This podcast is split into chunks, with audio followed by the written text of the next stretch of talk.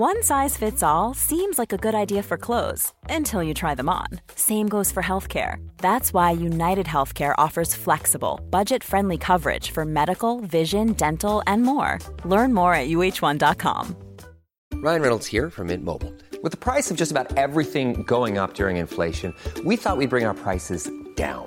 So to help us, we brought in a reverse auctioneer, which is apparently a thing. Mint Mobile unlimited premium wireless. Ready to get 30, 30, bit to get 30, bit to get 20, 20, 20, bit to get 20, 20, bit to get 15, 15, 15, 15 just 15 bucks a month. So, Give it a try at mintmobile.com slash switch. $45 upfront for three months plus taxes and fees. Promo rate for new customers for limited time. Unlimited more than 40 gigabytes per month. Slows. Full terms at mintmobile.com. Podplay.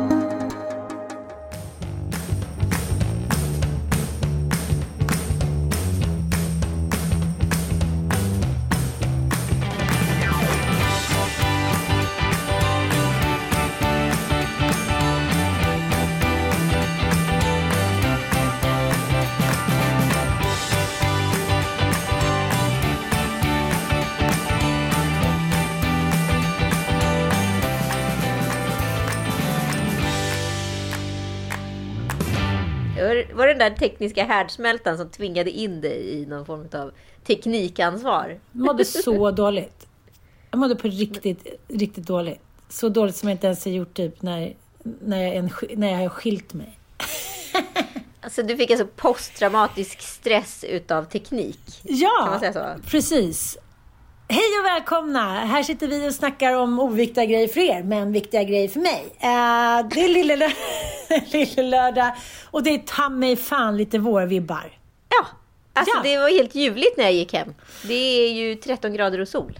Hur blir du påverkad av våren? Är du en sån där mm, typ som det är ont när knoppar brister och börjar liksom så här wobbla med känslor? Och det, är ju vetenskapligt liksom känt att så här, ja, men till exempel bipolära människor, eh, ja, det sätter igång saker med psykisk ohälsa och hälsa också för den delen. Det är många som blir nykära. Men, men vilken typ av vårperson är du? är en eh, pollenallergisk, eh, eh, lycklig jävel som ändå panikar lite för att då startar min stora renoveringsresa. Jag gör en rekond utav mitt utseende en gång per år och den sker oftast runt den här årstiden. Så just nu är jag inne i en rekond-fas. Om folk blir provocerade av att jag lägger upp liksom mycket beauty-inlägg och grejer, då hänger det ihop med denna rekond som så här pågår. Jag kan ju kontra med mina tre löss som jag hittade i året i morse. Så... Nej, okej, så du har lite mer så här utseende, ångest, posttraumatisk vårstress. Ja, men alltså jag, jag fattar att folk upplever att jag är så här sinnessjukt ytlig. Men jag har ju en, en tydlig liksom, ambition med att inte behöva se ut som eh, 43. Utveckla. Nej, men jag, jag bara vet att, eh, att jag, man inte behöver göra det längre. Så att varför skulle jag göra det? När det finns så mycket härligt att ta till där ute på marknaden. Som inte ens betyder ett ingrepp. Nej, nej, det är sant, det är sant. Jag har fortfarande inte fått mina ansiktsroller. alltså, det är ju så fruktansvärt att säga, men jag tycker att liksom, mitt utseende är också en stor del av min hobby. Jag älskar ju att hålla på. Och fiffa och pilla och eh, liksom få reda på, så kan man göra så här och så kan man se ut så här. Det är jätteroligt ju. Liksom, det är det här jag inte... Det här kan jag inte intellektuellt eller känslomässigt förstå. Du tycker, precis som min bästis under gymnasiet, Lill-Åsa, att det är kul att hålla på och skönhetsmixtra själv. Det är så tråkigt så att jag somnar ju för fan när jag målar ögonfransarna. Sen tycker jag att det är härligt när någon annan kliddrar med mig och pillar Nej, men nej, nej, nej. Jag, nej, men jag vill ju också att någon annan kliddrar med mig. Jag vill inte skönhetsmixtra själv. Däremot så finns det ju så jävla mycket roliga produkter på marknaden. Ja, som fattar, inte fanns för tio år sedan. Nej, det är ju- sant, det är det sant. är för fan jävla... Vad ska jag kalla det för? Dreamliner i skönhetsprylar. Jag kan bara, liksom, jag kan bara sätta mig och åka. Och åka tillbaka tidsmässigt. Alltså jag tycker pers- personligen att jag ser bättre ut nu än vad jag gjorde för 15 år sedan. Ja, men det, Det är kan så roligt. Ja, det kan jag hålla med om. Det kan jag hålla med om. Eh, det är lite... Jag satt och kollade med igenom mitt jävla fotoalbum med bilder från liksom 90-talet. Man blir inte glad. Det kan man väl säga. Nej, nej, men det var väl ingen som blev glad och det var faktiskt lite roligt för jag pratade med Ossian om det häromdagen att så här, jag är ledsen Ossian, du kommer aldrig titta på bilder på dig själv när du är tonnis och känna så här, men vad i helvete har jag på mig? Vad i helvete har jag för frisyr? Det kommer alltid Vad i helvete har jag för Pamela Anderson ögonbryn? Nej, nej, det är liksom alla ni som, som, som växer upp nu. Antingen om ni inte är nöjda kommer ni fixa det. Så att liksom, eh, ni kommer fixa det så här, ja men fixa näsan eller fan det nu är. Det kommer inte vara några skrattfester. Och det tycker jag är väldigt tråkigt. För jag satt också och kollade album igår. Det kanske också är en sån här vår... Eh, man vill säga minnas livet och boosta det på nytt. Men du vet, det är så mycket knasiga bilder från min tonårstid så jag bara känner så här, gud, sätt på mig en, en knasmedalj. Man får inte glömma bort heller att liksom digitalkameran gjorde an- entré i våra liv runt eh, 2000. Då, har ju liksom, Mm. då hade vi redan hunnit blivit eh, 20 plus. Så det vill säga att vi hade ju ingen aning om vad som skulle komma ut på andra sidan när vi tog den där bilden. Nej, men det, jag tycker bara det gör dem också så jävla seriösa på något sätt. Förstår du? Ja. De kan liksom... är laddar ju hårt för varje foto. Ja, de är liksom inte fria. Du vet, det är så här bilder på mig när jag är i så Grekland hit och dit och överallt. Och det är bara spex och kex. För man vet så här, förmodligen kommer inte någon framkalla det där ens en gång. Fast Kör det på. som är väldigt intressant med foton är ju ändå, alltså printade foton, det är ju ändå att de har en helt annan bärighet än, än eh, liksom digitalbilder. Alltså jag har ju tappat bort jag tänkte, man trodde ju när de digitala bilderna skulle komma att så här, fan vad coolt, nu kommer man ha kvar alla minnen alltid hela livet. Nej, nej, nej, nej. Nej, nej, nej, jag har ingen aning om vad mina grejer är. Och så ligger det på olika moln på någon jävla Apple eh, Nej, cloud liksom, på olika konton. Kommer inte åt liksom halva mitt liv för att det är inlåst på något konto som jag inte kommer ihåg loginet på liksom. Men Frasse är ju med på en bild sedan han föddes. Alltså framkallad bild. Och där ser man inte ens att det är han. Jag bara, vem är den där ungen? kan vi bara, ja, vi måste inleda med det här Gift i första ögonkastet nu. Eh, Ja, vi kan inte hålla oss längre, herregud. Eh, nej, jag tycker inte Rafflande. det. För att så här, det här börjar utvecklas åt en riktigt bra säsong känns det som. Ja, men alltså, jag är så glad. Och jag måste ju droppa en bomb. Jag har ju alltså suttit som en galen människa. För jag bara kände att det är någonting som inte stämmer. Och dubbelkollat avsnitt.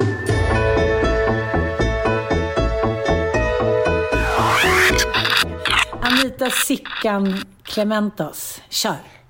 Ja, men vi kanske ska bara suga lite på den karamellen, tänker jag. Vad, berätta mer om eh, Björn Rosenström-haveriet. Jag tycker vi börjar där. Jag tycker vi börjar vid så här, haveriet hur, eh, hur de firar midsommar överhuvudtaget. Jag känner ju som att jag är så jag att Nu jag- är du så jävla elitistfitta. Okej, förlåt älskling. Jag känner mig som fucking Karin Larsson typ på Sundborn. Ja, Okej, då ska vi inte göra det. Nej, men, men eh, ja. Okej. Ja, men om vi, om vi tar då Anton och Sofia. Ska vi lyssna lite på eh, när han börjar... Ja, han vill ju helt plötsligt göra en liten musikuppvisning med sin...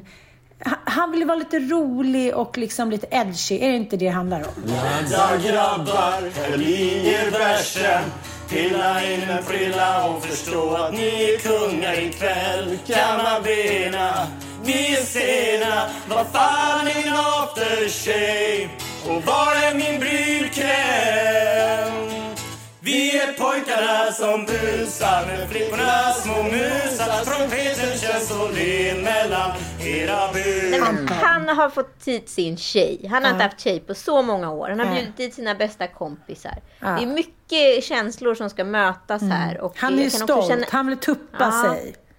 Jag kan också känna igen lite den här grejen med Joel första gången han så typ introducerade mig för hans killkompisar. Att han inte riktigt vet vilket ben man ska vara på. Plus, som Joel faktiskt sa var en väldigt bra spaning. Det är så uppenbart att han har inte många relationer i sig. För det hade, hade inte Joel heller. Så man vet inte heller hur man ska agera med sin tjej. Var gränsen går. Joel gjorde några sådana gränsöverskridande saker som man bara så här, ursäkta vad fan sa du nu? Jag är inte din bästa polare som är en dude etc. liksom. Och du ska inte så här ta ställning mot mig när vi så här, träffar dina kompisar första gången. Ja men du fattar. Ja, men jag fattar. Så att han vill ju liksom visa då dels att han har massa coola polare och dels att han är... Han har minsann Ja. koll. Ja, exakt. Och han är killen som så här driver och är kul och spexig. Han ska stå i centrum. Han ska vara stolt för sin tjej som han då så här är, liksom inte riktigt kan bestämma sig för. Det här är min fru. Det är lite för stort att säga. Eh, Då är hon typ som en flickvän. Fast hon kanske nästan är mer, mer, mer som en dejt. Och sen så vill han vara tuff inför sina kompisar och visa upp henne. Ja, det blir mycket känslor för Anton att hantera. Och så får han i sig lite för mycket innanför västen, kan man säga så? Ja, och eh, det är ju sånt som eh, inte blir så tydligt i TV eftersom de, film, de klipper ihop det sen. Men de har ju suttit där i flera timmar. De har tagit en liten liksom, pilleknarkare och lite vin och bärs. Han är ju liksom, han är packad. Men hon är ju också Ja. påstruken, fast hennes fylla agerar, går ju åt ett helt annat håll. Liksom. Det där känner man ju också igen. Hon är inte Typisk som jag, par, somnar. parbrusning. Att så här, hon blir lite liksom, låg och lite blå och lite eftertänksam och han är bara så här... Jag gjorde det för din skull. Tack. Hade du inte sagt att du skulle bli imponerad så hade jag inte tappat. Nej, det förstår jag. Jag är gift med en riktig man. Där växte han 10 centimeter igen. Han är så hög på sig själv alltså, att han är full i gasen och så får han lyssna på hans gamla favoritartist Björn Rosengren från barndomen. Som hans farbror då spelade för honom i smyg eller vad det var. Och det var ju så snuskiga låtar. Och jag kan, jag kan också förstå Anton ur det perspektivet att man så här, som barn reflekterar man ju faktiskt inte värderingarna i vad som sades. Man tyckte det var så jävla roligt att lyssna på snuskig text som Eddie Meduza. Sen blir man lite äldre och förstår att det är så här, oj, han pratar med våldtäkt. Fan vad ofräscht liksom. Alltså så här, okej om man skämtar. Typ om vi känner varandra och vi sitter och skämtar. Jag kan ta ett skämt att du skojar med mig liksom. Men att gå ut på Spotify och sjunga sexistiska låtar på det sättet. Nej. Nej, Nej jag tycker inte att det är okej. Vet du vad? Vi, vi gör så här, vi bryter ner texten och så, så diskuterar vi. Ragnar är översexuell. Det kan man ju inte hjälpa. Nej, än så länge så är det okej. Han är kåt som ett djur och får sitta i bur. Okej. Han vill våldta allt som han ser. Det blir ju lite problematiskt. En aning. Och när han har gjort det så också- ber han om mer. Ni är vuxna och kan säga att ni tycker att det är sjukt men det är kul att lyssna på. Men det är barn som lyssnar på det och de kan inte... De har inte liksom grunden för att säga att det här är sjukt eller det här är inte sjukt. Nej, men hela 90-talet och tidiga 00-talet är ju anspelningar på så här, våldtäkter, pedofili. Ja. Eh, ja, men Det var så det var eh, förr. Otrohet. Och det är Ja, ingen som ens har reagerat. Nej, för fan, läs de gamla liksom. spalterna från Frida. Men allt från så här, hej, jag och min kompis blev utsatta för våldtäkt. Ja, ah, okej, jag fattar. Hur känns det då? Alltså, det är liksom... ja, men det är helt otroligt. Så bara, jag är gravid, jag vågar inte säga något till min pojkvän. Så här, ja, du får väl kolla upp, så här, har han jobb? Annars blir det svårt att säga något. Du vet, allting, allting som går snett, eller allting som liksom dumma snubbar gör, läggs över tillbaka på tjejen. Alltså allt, allt, allt. Och eh, det är så du och jag är uppväxta. Det är inte konstigt att man, så här, om man blir matad med bara en enpersons eh, vinkel och sen ska man helt plötsligt så här, stå upp för sig själv. Man vet inte ens vad det betyder. Det är ju bara att ta vilken jävla diktatur som helst. Det har ju liksom varit en mansdiktatur i Sverige. Och det är det ju fortfarande på ett sätt. Liksom. Så han tyckte väl bara så här, nu vill jag visa hur rolig min släkt har varit. Ja, alltså det var, han vill ju bara liksom sjunga en snuskig visa utan värdering av texten. Jag tar verkligen inte honom i försvar. Nej, inte för jag att, för, heller. att, för, att, för att i början så kan man ju vara så här, okej, gör din grej, men så släpper vi det och går vidare. Där Anton gör fel, det är ju att han bara så här, Vi fortsätter i texten. Ska vi verkligen fortsätta? Ja, det är klart. Jag att vi... Jag tycker det det. här är rätt bask Jag tror att alltså. vi har Jag tycker vi lyssnar på rolig musik. Nej, vi kör. Det är bra diskussion. alla runt bordet tycker att det börjar bli awkward moment. Liksom. och så här, nu kanske du ska tagga ner Anton, men då har ju han fått i sig en knapp för mycket. Ja, och är så uppe i sig själv och hur roligt det är. Så att han märker ju inget. Nej, nej, alltså han har ju inte ett filter vid det här laget. Han kan ju inte läsa av någonting. Liksom. Han bara, nu ska vi köra, det här kommer bli kul. Och så vet han inte heller om han är, han är ju lite sugen på den här konflikten. Mm, För han ser ju inte i sin berusning vart den kommer barka hän. Men Så tror det är jag... uppenbart midsommarfyllebråk. Ja, hur som helst, så det hans stora fel är ju att han bara fortsätter mjölka det här ämnet och stå, slåss för sin sak att få lyssna på Björn Rosenström. Ja, gud. Men Det blir ju tragiskt. Och, Ja, det eh, blir ju tragiskt. Ja, men det, det är så hemskt. För att, här, du vet ju själv när man liksom hamnat lite i den här situationen att man här, bara kör på och inte märker att så här, man har släppt andra fokus på typ hela festen. Hallå, jag är tondöv! Ja. är det ingen som hittar? Det finns bara- inte den här tonarten. Okej, förlåt. Men då är det ändå ens egna glada laxar som man kan ringa upp och säga sorry, det var inte helt fräsch igår. Men här är det så här, hela svenska folket står i lågor, tjalalalalala. Ja, men då skiter vi i det.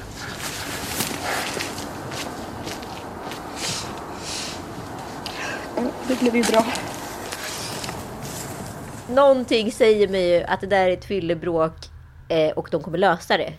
Det här är också en typisk grej som sker i början utav en ganska ung relation. Det är det jag här- menar också. Du vet ju Ja. själv, första tre, fyra månaden, det är ju liksom, om man skulle så spela, få det uppspelat för sig på en film nu skulle man ju bara, nej men herregud. Nej, men- Han ringer inte. Nej, men jag skulle inte klara av det. Jag, jag skulle abdikera, flytta från Sverige, låsa in mig i någon jävla kloster. Alltså vad fan som helst. Jag Ja. skulle inte stå ut en Den tuffa nunnan.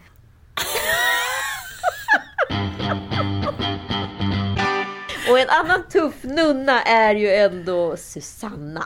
Ah. Vår lilla katta. Fast nu avsnittet. känner jag ändå, jag tycker hon har växlat lite ändå. Hon skrattar Aha. på samma hysteriska sätt, men nu känns det ändå som att hon så här, hon försöker ändå, så här, det där att hon tyckte det var lite spännande och vet att han var naken under kilten. Hon börjar så här känna så här, gud, han, han vågar vara sig själv till skillnad mot mig. Eh, Sen vet inte jag om det är spelat för att hon typ är hatad av hela svenska folket eller om hon verkligen känner så. Vad tror du? Nej men eh, jag tror hela midsommarsituationen är eh, helt intakt. Men som den lilla äckliga granskare jag är så har jag suttit och studerat materialet under lupp. Ja, och det är en liten skiftning. Mhm. Precis mitt i programmet. Vi ska lyssna lite här. Nu är jag på väg hem till Johan och det ska bli väldigt spännande att se hur han bor. Jag har liksom hamnat i någon slags läge med Johan där jag vet liksom inte varför men saker han gör det triggar liksom igång saker hos mig. Varenda grej jag tycker är konstig säger jag till honom. Eh, och han tar ju det bara vilket kanske också blir lite så här, vad fan säg ifrån då. att, jag vet inte, det väcker jättekonstiga saker inom mig. Ja, som ni hörde nu i klippet sitter Susanna i sin bil på väg till Johan och ska läxa upp honom. Hon klagar på hans äckliga eh, bitande på naglar, hans sätt att så här harkla sig. Hon har gått liksom in i år, hon har liksom blivit kan man säga att hon har blivit lite lätt galen? Det är som en så här PMS eh, som är... Nej, liksom men hon har blivit så när man är med två barn efter nio år. Precis. Ja, inte när man ska föreställa nykär. Då kan den andra typ sitta där snorkråka och man bara åh. Mm, han är så Gullig. gullig. Han snor- Han snorkråkor är sötast på jorden. Har aldrig sett så söta kråkor. Jag ska rama in dem. Nej, hon är långt ifrån nykär. Så mycket kan ja, vi säga. Det kan vi verkligen Eh. säga. Så, så mycket vi Så mycket hobby, hobbypsykologer är vi. Ja. Exakt. Men, kolla på det här. Börja med en situation, där får man kolla på tycker jag på TV själv. För förra veckans avsnitts teaser inför förra veckan. Det var ju en ganska hård sägning från Johan. Det tar ju ganska hårt att få så mycket kritik och det gör ju att jag i alla fall kan tappa intresse om det blir för mycket. När jag kollar om på programmet så är inte den sägningen kvar. Nu kan jag hitta på och fabricera, I don't know. Men det som är konstigt är ju att när den här liksom interventionen som Susanna ska åka på med Johan görs, som det flaggas för i teasern från förra, förra veckans avsnitt. Då sker den liksom inte riktigt. För hon ska ju dit och ställa honom mot väggen att han är en sån gräslig karl.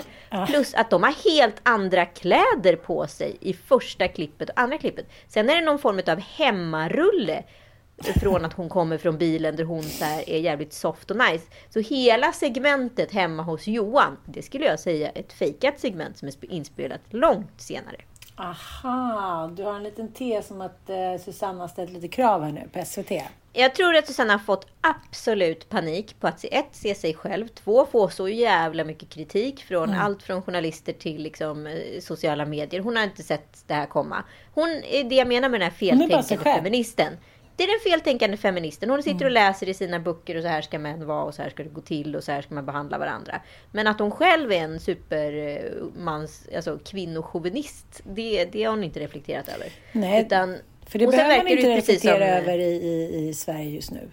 Nej. Och sen undrar jag också såna här unga generationen, eh, liksom tjejer som är någon, någon form av woke-feminister. Likaså, likaså Sofia är ju också en woke-feminist som så här, inte kan värdera saker och ting efter hjärtat ut- utan ut- efter, en agenda. Det blir problematiskt. Sen ska Mm. man ju så här, har du ett säkert core som liksom feminist och vet så här, men det där var ju väl okej och det där var inte okej. Ibland får man se mellan fingrarna. Man är i en relation, bla bla bla. Vi får snacka om det där imorgon. Då har man ju inte heller ett problem med såna här saker. Men det här är typiskt unga kvinnor idag skulle jag säga. Men att jag- det känns ja. så jävla ängsligt. Men jag tänker också att så här, de kan heller inte översätta eh, don efter person. Utan de är så här, i deras värld... En man skit så är han en skit. Precis, det finns inga nyanser. Och eh, det som jag tycker är intressant är att de, det de inte verkar insett eller i deras liksom woke-generation är att här, man, kanske, man kan vara någonting. Eh, fotbollsspelare, feminist, mamma, men alla behöver inte tycka lika. Och det verkar liksom helt ha gått förbi deras eh, ja, radiofrekvens. Förstår du vad jag menar? Ja, alltså det är ju tondövt åt andra hållet. Om Mm, Anton mm. är tondöv med det där så är det också extremt tondövt åt andra Mm. hållet. Så jag menar, så här, åh, man måste bara förstå att människor också gör fel. Det är inte, liksom, det är inte så att alla har liksom sten, läst mall stencil 1A liksom, på hur det är att vara människa och hur man ska liksom, funka exakt hela tiden i alla känslotillstånd. Berusat, icke berusat, etc.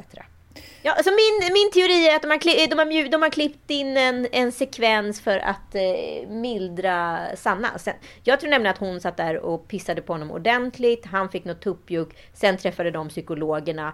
Alltså allt därifrån är liksom intakt. De säger att man kan inte gå in och kritisera på det här sättet. Man får, måste kunna förstå varandra även fast man kommer från olika länder. Och hon är ju så himla jag-svag så hon bara Ja, ah, jag ska förstå hans språk. Jag ska göra det. Sitter i zink och säger liksom. Nej men så att, eh, ja, mycket spännande. Mycket spännande. Ska bli se, intressant att se hur det här utvecklas. Men och så hoppas vi på han ser inte jätteglad ut under det här avsnittet. Nej. Nej. Och så måste vi bara lite snabbt in på Lars och Elinor då, där det verkligen så här, hon är något så här kristet känslokaos. Liksom. Hon är uppvuxen i kyrkan och han är så läkare och står väldigt långt ifrån kyrkan. Mm. Och han har också problem att prata känslor på den nivån som hon hela tiden avkräver honom på. Och det blir också fel. Alltså så här, det är ju inte finare att ha så jävla mycket känslor. Fast det värderas ju högre i Sverige idag. Och jag ska prata mer om det här, fast om ett annat ämne, om en liten stund. Jag måste göra en liten, liksom, eh, en tunn blå linje till tunna blåa linjen där Sara då, eh, den kristna polisen.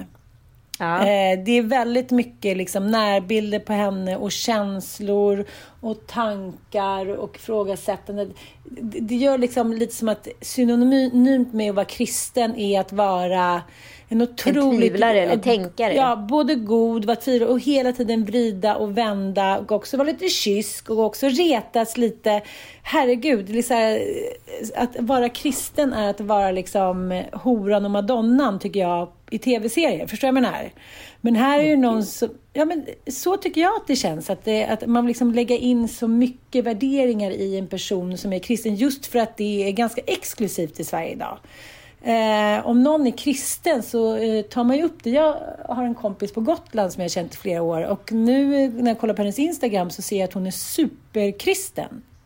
Alltså, och liksom- du har inte vetat om det eller hon nyfrälst? Nej, men jag, nej, jag har väl känt så här, gud vad hon verkar vara god och hon tar hand om barn och hon eh, liksom eh, hjälper, eh, hon hjälper på alla sätt och vis. Nej, men hon öppnar huset för nyanlända. Hon är liksom alltid mild och glad. Hon pratar om vänner som hon hjälper och hit och dit liksom. Men så, så nu såg jag på hennes Instagram att Carola var där. ja. ja, hon var hälsade på henne där, där hon, hon bor eh, i en annan ort i vanliga fall. Och då tänkte jag så här, jaha, men, men vi har aldrig berört det liksom. Just att det är en, en ganska het potatis idag att nämna att man är kristen. Det är lite som så här, jaha, du har varit med i IS typ. Alltså förstår du? Det, man, blir väldigt... Okej, Ann Söderlund. Du kan väl... Nej, men jag menar bara så att man blir ganska stämplad som att vara en viss person. Tycker inte jag du är så det? sjukt... Jo, men jag vet inte. Jag har också så jävla många kristna kompisar som är helt Jävla oproblematisk- Mm. Alltså, oproblematiska med sin kristendom. Ja, och liksom inte alls eh, gör en grej av det. Det är allt från Hillsong till Pingst och Philadelphia liksom. Som är De ganska... är liksom, de bara, hej nu ska vi till kyrkan, vi ses på måndag typ. De är... Exakt. Det är inget Aha, konstigt med okej, det. okej. Ja, men däremot så tror jag att liksom den, den tro som just nu är mest problematisk är väl liksom den protestantiska kristendomen som man går till liksom Svenska kyrkan. Den är ju jätte, den är jättesvår liksom. Mm, För att det är så mycket som är så här. Aj, aj, aj. Du måste, idag måste du försvara varför du tror på mirakel. det går ju inte Ja. att leva ett liv där man så här, sä- säger så här, nej men jag vet att eh, på den sjunde dagen så tog alltså, ja, tog alltså Gud men ett revben från... Men vadå, du menar att alla kristna så här, ger sig ut för att vara bokstavstroende? Så här, ja, man tog ett revben från Gud och skapade Nej, Adam. absolut inte. Nej. Men idag är det ju antingen new age, det vill säga att du tror på lite vad fan som helst, vad Mm. du hittar på eller energier eller vad fan du nu vill. Mm. Eller så tror du på en konkret bok eller lära som någon Mm, har så mm. instiftat och liksom, Mm. ja. Och så lever man efter det och i grund och botten så är ju all tro samma sak, man ska vara en god människa. Och det är väl inget dumt med det. Så, så här, hur du nu väljer att tolka det så får det vara upp till dig. Om du mår bra av det. Whatever floats your boat. Ja, om du vill ja, gå och ja. göra yoga. Det är väl ingen som blir förbannad på någon som gör yoga. Men så fort du har, Jag har någonting. blir det. Men det med, med Sara då i Tunna blå linjen säger så här, hon dricker inte. Eh, hon är liksom, Jo, det gör hon! Ja, men hon tog väl någon öl någon gång. Men, men, men ah, vi kanske inte kommer längre i den här diskussionen, men jag tycker att det är spännande det där att så här, alla... Det finns en laddning. Ja, det finns en otrolig laddning liksom. Och eh, det gör det ju även här, så att säga. Och den vill de ju gärna så här, ja, men spekulera fram på något sätt i lite osynligt vatten. Man, de gör vina vatten. Ja, det. Man måste Nej. ändå säga att Tunna blå linjen är kanske ett av de bästa projekt efter Kalifat som har någonsin producerats. Nej, Alltså, jag, nej, jag är fortfarande i chocktillstånd. Jag är så här, jag tror att, jag, att det där har hänt på riktigt. Ja, nej, men alla Ja. de är så trovärdiga och så härliga. Ja, absolut. 100 procent. Jo, apropå det. Vad jag skulle säga om den här känsliga generationen som hela tiden liksom agerar hela tiden ut efter känslor och navigerar där. Jag märker också att mycket av nyhetsrapportering runt un- unga personer också ska vara mycket så här kopplat till känslor. Jag såg så här Edvin Törnblom och Sherry, Sherry heter hon va? Som var med i Benjamin Ingrossos program. Eh, då fick de båda då eh, såklart. Hans matlagningsprogram. Ja. Ja, vilket är helt ljuvligt för övrigt. Ja, eh, han är alltså det är så bra. Ja. Ja. men han är ju ljuvlig. Helt ljuvlig. Gud. Verkligen. Låt dem... Vilken kär. Ja, vilken liten kär. Ja. Ja, vilken liten kär. Hur som helst så, så eh, var det mycket rubriker runt att de hade mått dåligt. Edvin om sin homosexualitet och hur han inte kände sig accepterad. Sherry om eh, hur hon har blivit utsatt för väldigt mycket rasism i Finland och hur bra det var i Sverige jämfört med Finland och så vidare. Och så tänker jag hela tiden så här, ja men det är ju jättefint men att man hela tiden måste ha en sån historia att berätta för att vara validerad idag. Mm, mm. Att man inte får säga att man är en glad skit. Förstår du? ja, jag fattar, jag fattar. Eller, så här, eller berätta om något otroligt man har varit med om eller skapat eller upplevt. Utan allting tar spjärn från en negation i rapporteringen. Jag tycker det är så jävla talande för den där eh, yngre generationen. Vart, hur de är orienterade. Att det enda som faktiskt valideras är eh, en, någon form av trauma eller tragisk upplevelse eller personligt tragedi. Alltså på något sätt ska det alltid utgå från en negation. Annars är du inte intressant. Och det måste ju forma en hel generation. Mm, alltså vi håller på att skapa en, en liksom generation av ryssar. Och sen har jag intresserat mig så jävla mycket för PTG. Vet du vad det är? Istället för P, P, alltså posttraumatiskt stresssyndrom Mm. eh, eh, finns det något som heter PTG. Och det är posttraumatisk growth. Mm. Alltså att man växer. Ja, jävligt Och- spännande. Eller hur? Och jag Ja. började läsa om det här lite för jag såg att Dr. Mona och hennes bror Said som båda var med om, varit med om otroliga tragedier och Mona var ju död. fan- i hon var ju typ- död. I tio minuter eller vad var det? Det var helt sjukt. Ja, exakt. Och så läste, var jag tvungen att liksom, och de pratar om någonting som heter po- posttraumatisk growth som det började forskas på runt 1994 för att man sett liksom flera så cases med med liksom unga vuxna som bara liksom blev så supermänniskor fast de hade varit med om så ganska så här eh, hemska Ja. upplevelser. Mm. Men tydligen så kan inte hjärnan ta in någonting kognitivt innan åtta års ålder. Utan då kan man liksom utveckla superkrafter istället för posttraumatisk stress. Alltså, Jag fattar, och tydligen jag fattar. så Ja, och tydligen så kan man också ha gjort mätningar på att det är fler kvinnor än män som kan uppleva den här posttraumatisk growth. Eh, Det var ju inte så väntat i och för sig. nej, för att män oftast går inåt med sina känslor under tiden mm. kvinnor kan vara liksom extroverta, och utåtagerande och dela. Och det här då, de här två liksom, ja, ett trauma möter en extrovert person. Då kan det 1 plus 1 bli liksom 18. Förstår du vad jag menar? Jag fattar. Gud vad Och det här spännande. är sjukt spännande. Mm. Ja, men, för jag tänker lite på mig själv. Jag har ändå varit med om ganska tunga grejer med liksom Indien och alltihopa. Och så här, ja, behu, behu, jag har lite sömnproblem ibland. Men det är inte hela jävla världen. Utöver det så... Nej men förlåt. Det finns för fan grader i helvete. Men Ja. utöver det så har jag varit med om ganska tuffa saker. Som jag vet att så här, en känslig person inte hade pallat med. Under Nej, tiden jag... inte. Ja, under tiden jag kan uppleva att så här, att jag bara vux... Eller liksom...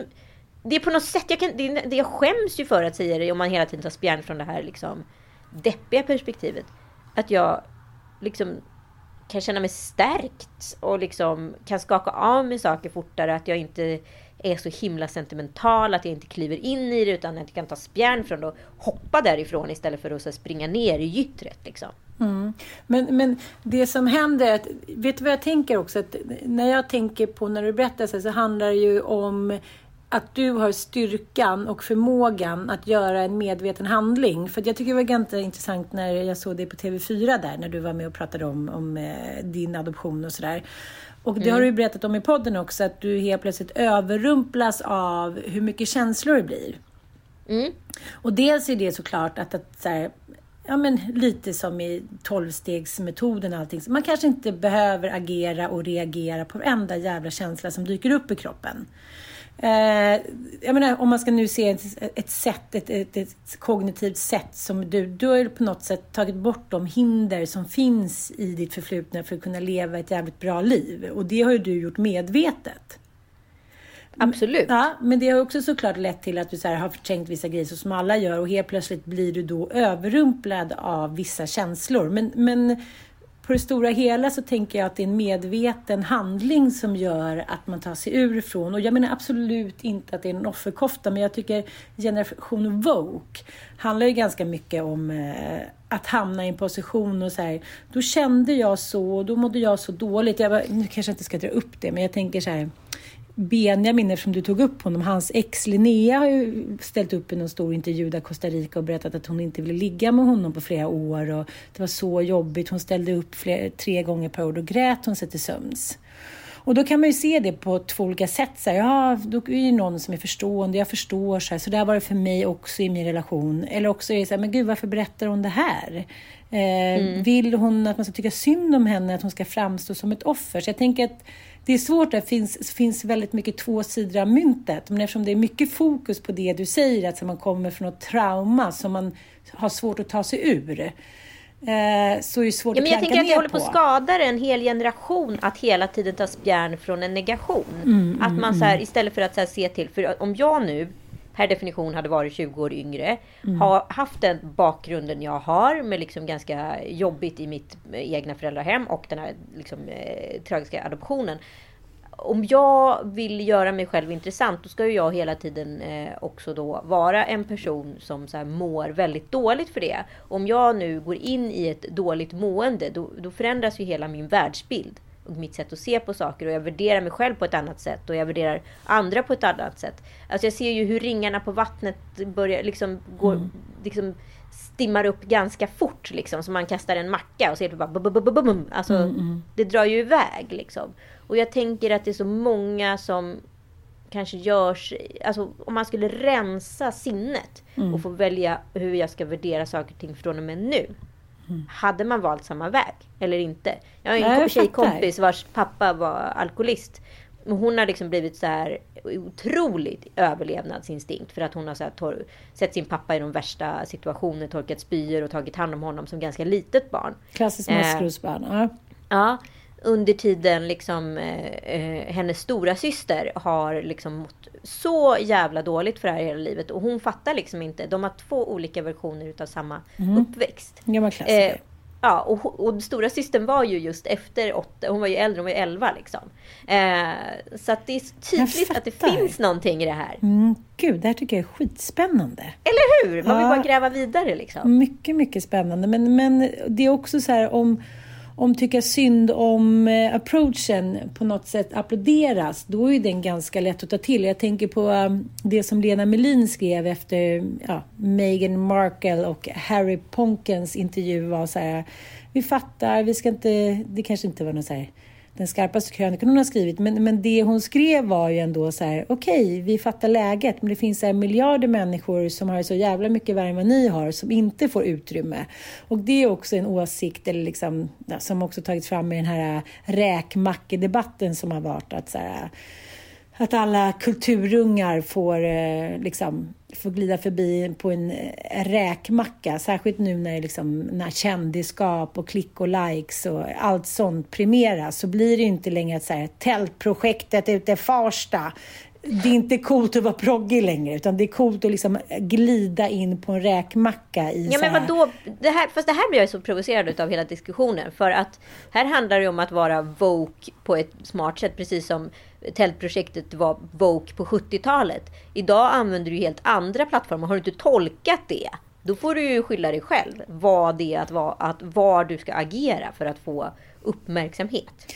Ja, jag fattar. Men, men Martina Montelius sa ju så här, ja men jag kanske får bli publicerad en och två gånger för att jag har Kristina Lugn som mamma och min, min då far. Men, men sen blir jag ju ändå utsparkad om jag inte är begåvad. Men då kontrades med ja. då att så här, Luffe Lelle får ju liksom sitta på sitt fläsk och kämpa liksom in i kaklet för att ens bli publicerad. Det finns Ja. ju människor som har skickat 600 texter och sen ser jag plötsligt så blir det liksom en bok då som så här, säljer i två miljoner exemplar. Just för att man kanske har den där ingången. Det här kommer från Luffe Lelle i Piteå med så här, mamma jobbar på macken. Ah, det kan väl inte vara bra skit. Alltså, är du med mig?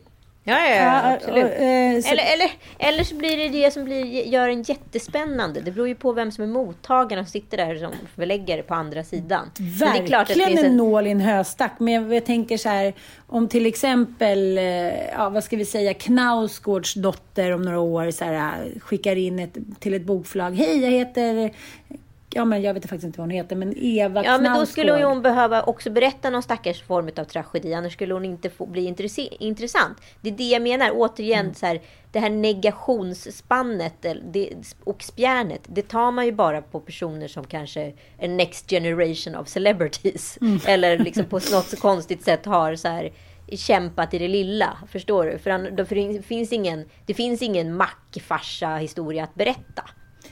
Nej, jag fattar, jag fattar. Så du menar att så här, cut both ways, typ? Att det. Ja. Ja, jag- tror bara att så här, om du ska vara då Luffe Lelle från Piteå, då måste du vara så jävla briljant och påläst och du har det in- Såklart. Ja, så att det, hur det än blir så blir det ju så här, precis som det alltid varit för kvinnor, var fem gånger bättre blir det också från att komma från en annan klass när man vill in i kultureliten, whatever that is. Sen är ju Benjamin Ingrosso och liknande, de är ju den nya tidens ja, men, en annan sorts... Kulturelit. Ja, det är ju så. Det finns ju liksom men vadå, två jag klasser. har ju inga, inga vad heter det, kända föräldrar. Jag har ingenting. Jag kommer inte från Stockholm. Jag har för fan slagit för enda jävla centimeter jag har kommit in. Liksom. Mm, ja, det, är har du inte- verkligen. Ja, nej men alltså det är ju inte så här, det är ingen räkmacka någonstans. Men vadå, det, det måste väl vara en del utav att växa upp och kunna göra karriär. Att slåss Mm, mm. Jo, men du har ju också blivit väldigt sporrad av det.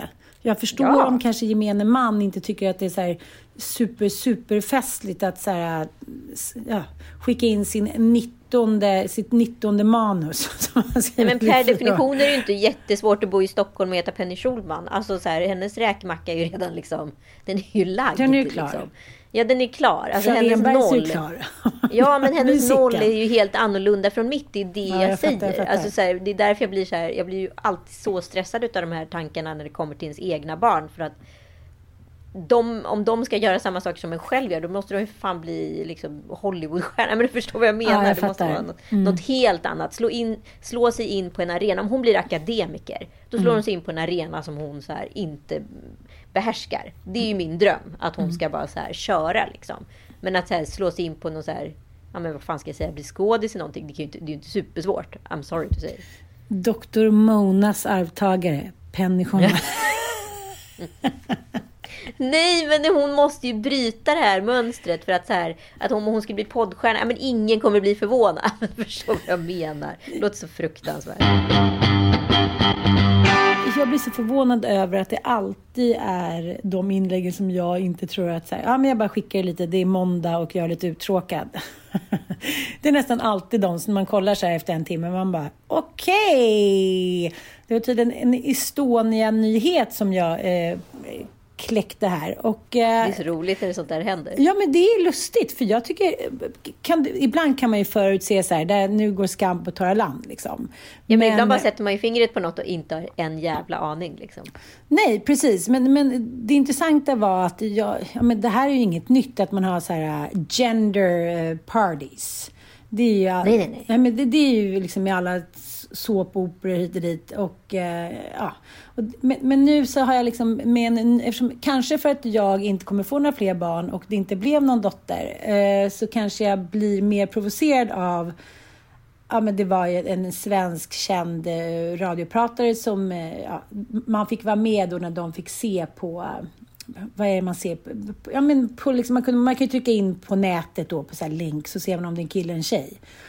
Sen är det klart att de gjorde lite extra mycket för att de tog en bild just då. Men jag bara kände så här, helvete! Jag har aldrig sett människor som blir så där glada åt någonting annat. Inte ens en miljard på Bingolotto, ingenting. Som att det blev liksom en tjej. Miljardprogrammet, Bingolotto. Det franska miljardprogrammet Bingolotto. Miljard, miljardmakarna. Nej, men och det är så här, jag tycker att det är en tydlig trend. Så jag kollade runt lite och så är det så här, ja men influencers som är lite mer, eh, vi bor på landet och kanske har ändå 100 000 följare. Att det är så här, och det som provocerade mig mest var, jag kan förstå om man har så här, jag och Maggan Graf, fem killar var och sen får en sjätte kille. Ja, då tycker jag så här, om det kommer en tjej då, då kan man väl för fan bli glad. Och åt andra hållet också. Man får glad för vad man vill. Jag lägger inte in någon värdering. Men det är liksom sån hås. Alltså kom- det är pojkhat menar du? Precis, och då kommer jag ihåg en gammal krönika som Linda Skugga skrivit där hon skrev så här, Gud, jag kommer på mig själv, jag som är flickmamma, att jag är så här, jaha, du ska vara tvillingpojkar, åh gud, det kommer bli liksom kalabaliken i bänder typ, det kommer bli så smutsigt här hem. Att hon själv har hört sig säga sådana saker, att hon märker det i har märkt det i sin vänskapskrets. Det här var ju redan 2008 eller något sånt där. Men Pojkföraktet. Ja, pojkförakt. Hon bara, vem ska älska alla de här små oönskade pojkbebisarna liksom? Och så skrev jag bara om det och frågade vad, vad gemene man tyckte. Och då tyckte jag väl ändå så här, ja men de flesta höll verkligen med att, att, att det finns liksom eh, ja. Sen blev det ju kulturgrejen, att så här, någon kom från en annan kultur och sa det är precis tvärtom och många försvarar så här, flickor har ju varit oönskade i alla tider. hit. Jag bara, fast det är ju bara att lägga över problemet på en annan könsmaktordning. Är det bättre då eller? Alltså förstår du vad jag menar? Eh, så att jag vill bara först och främst säga, förtydliga att jag eh, skulle själv typ bajsa på mig om lycka om typ jag skulle få en dotter nu. Jag skulle också så här, ta bilder där jag så här, skrek och så galen ut. Så att det är inte det. Men, men om, man inte, om man har en son eller en dotter och sen ska man få en dotter, då tycker jag att det är lite provocerande. Då är det så här, det är att på något sätt understatement säga så här, ja, ah, fan vad skönt, nu får vi inte en jobbig jävel till. Är du med mig eller?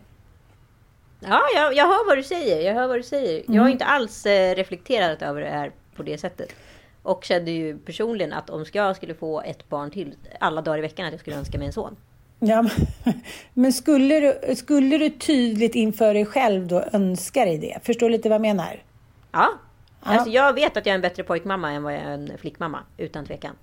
Men, men vi måste bara här, ändå nysta lite i det här. Vad tror du att det här beror på? Att det så liksom enligt mig då och min eh, icke-vetenskapliga studie eh, är väldigt tydligt att så här, de flesta tycker att det, det finns en, så här, en outtalad, det är inte ens uttalat, men många skriver så här om man har söner, så här, gud, nu hoppas vi på en liten flicka. Allt det där liksom prefixet också, liten flicka.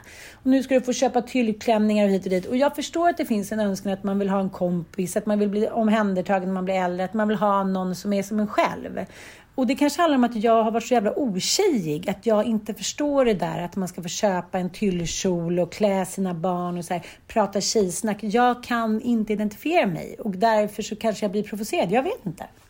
Nej, men jag tror det finns två, två ingångar på det. Ja. Eh, dels så tror jag att du har en personlig laddning i och med att du har eh, fem pojkar. Ja, Såklart. okej, och ja. det, blir, det blir svårt att vara objektiv. Ja, det- eh, sen tror jag att många, när man fantiserar om sitt första barn, kan ändå se liksom utifrån, om man nu inte har ett barn, och då kan du säga, då är det svårt att visualisera sig, men det jag som fattar, är väldigt liksom upphåsat Mm. är ju just alla accessoarer för bebisar Mm, mm. redan i flickstadiet. Alltså Mm. i bebisstadiet så är ju flickaccessoarerna två miljarder gånger gulligare, sötare, roligare än pojkaccessoarerna.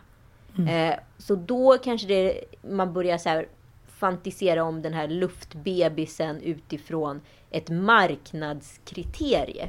Mm. Och då blir du så jävla glad när du får den där tjejen. För att då kommer du kunna ha en massa roliga outfits. Det är, baby showern kommer att se ut på ett visst sätt. Ja men du fattar, du, allt, allt liksom, vad ska jag kalla det för? Marknadssmörjan, det paketet, är formulerat för tjejer.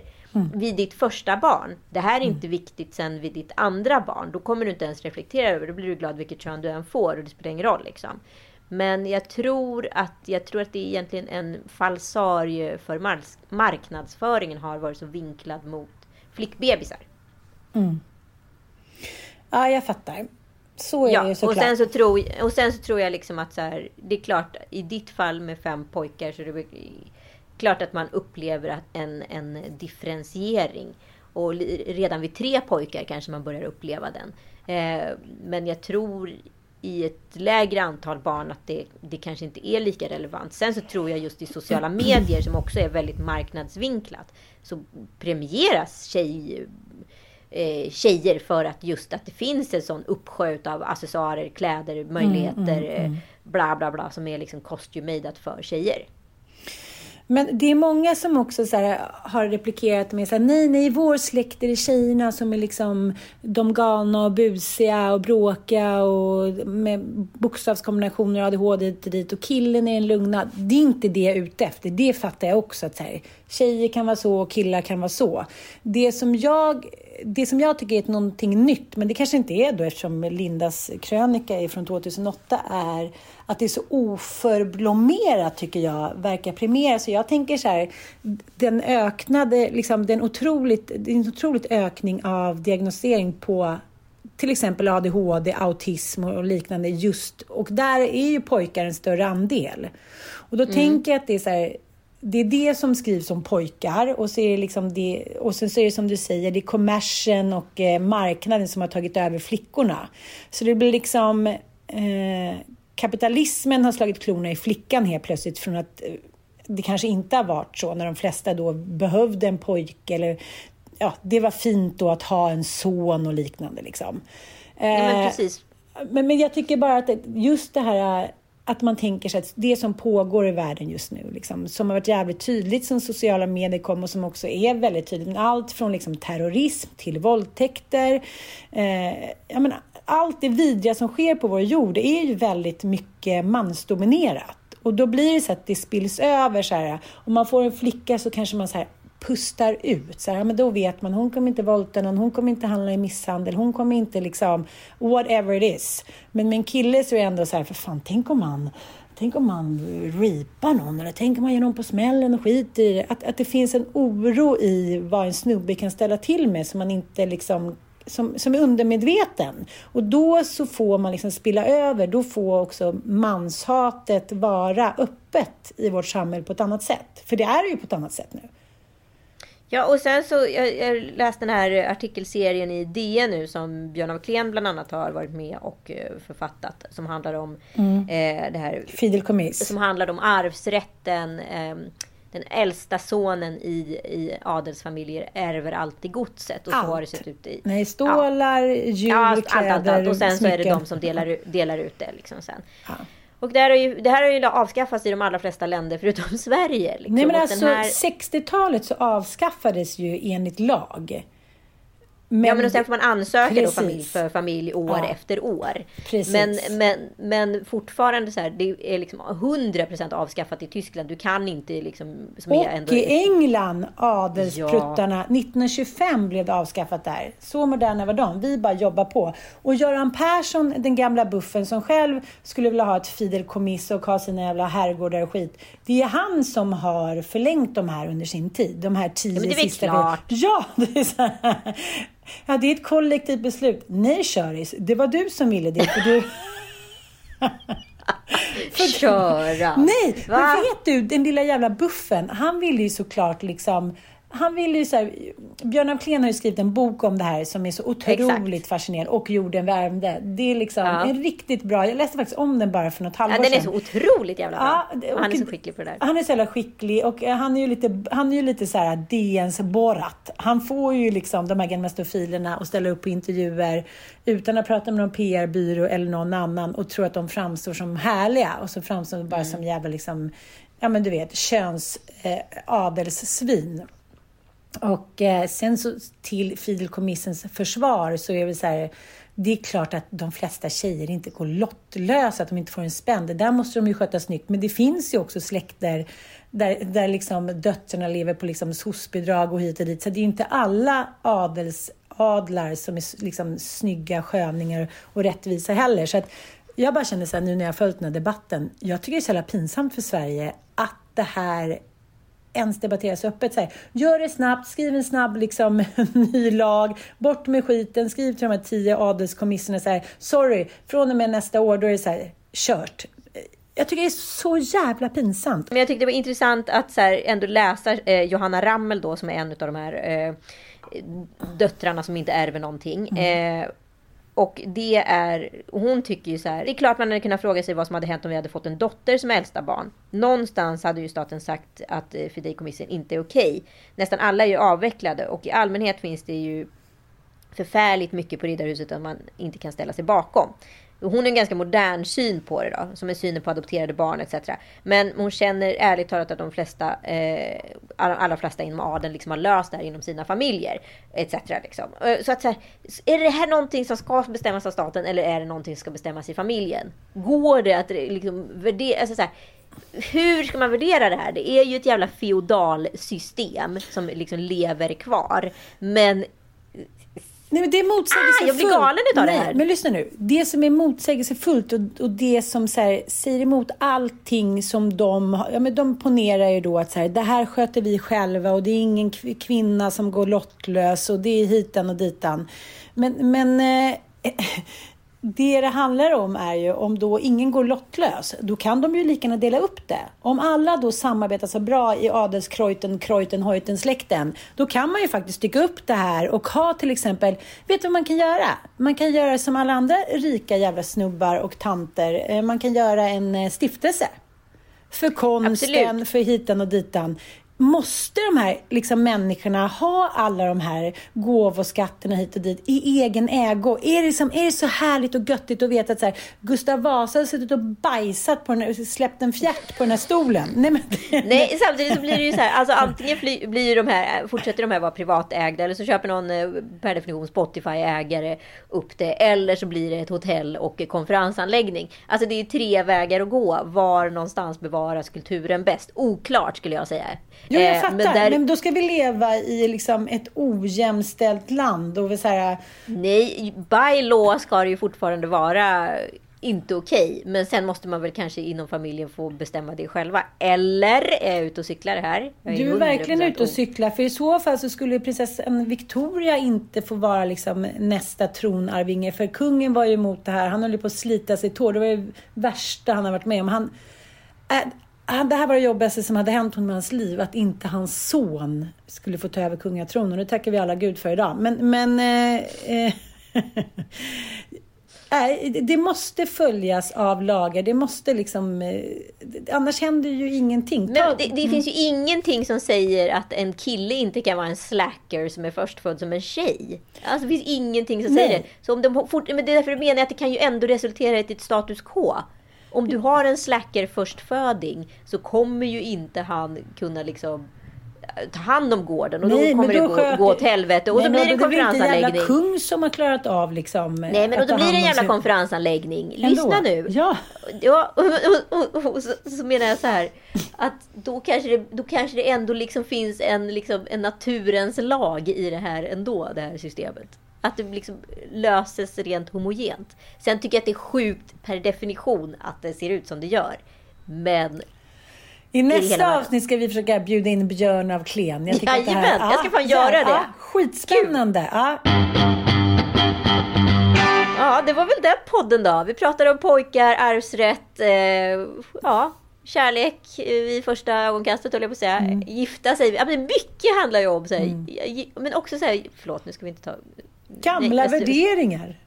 Ja, men det är Ja. mycket gamla värderingar. Och Ja. jag blir så, jag blir så här, jag tänker ändå någon form av Ja, men det är det jag menar. Jag försöker ändå tänka i någon axel. Det kanske blir samma ändå. Det är det jag försöker resonera mig fram till här. För att inte vara så jävla så här. Det här ska du vara by law liksom. Utan man kanske tänker att det blir samma skit ändå. Själv vill jag äga en liten jordplätt och skulle vara glad för det. Så kanske jag, angående Camilla Läckbergs inlägg, så här, ja, jag har tjänat pengar, ja, jag är stolt över det, ja, jag ger eh, pengar till sånt som jag tycker är behjärtansvärt, så här, frågor på det. Fråga någon snubbe om han ska, så här, ska skämmas för att han har tjänat pengar. Men det finns ju så här, det finns ju grader i pengahelvetet och jag tänker att så här, Queen Elizabeth, f- f- f- f- vad har hon gjort för att förtjäna de här pengarna mer än att ärva dem? Absolut ingenting. Då, ja, eh, kampen eh, för rättvisan går vidare. Vi vet inte i vilken...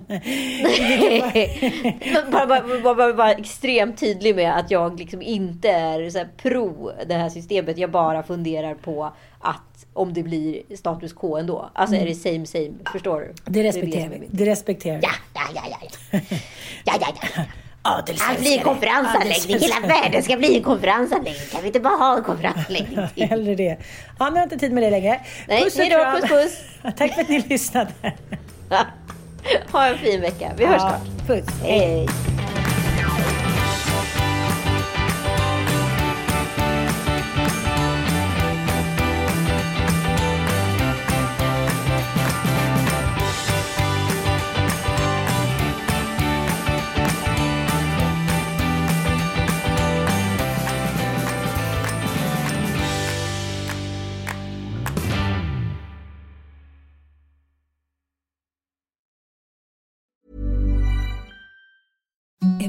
the softest sheets you've ever felt. Now imagine them getting even softer over time. That's what you'll feel with Bowl and Branch's organic cotton sheets. In a recent customer survey, 96% replied that Bowl and Branch sheets get softer with every wash. Start getting your best night's sleep in these sheets that get softer and softer for years to come. Try their sheets with a 30-night guarantee. Plus, get 15% off your first order at bowlandbranch.com. Code BUTTERY. Exclusions apply. See site for details.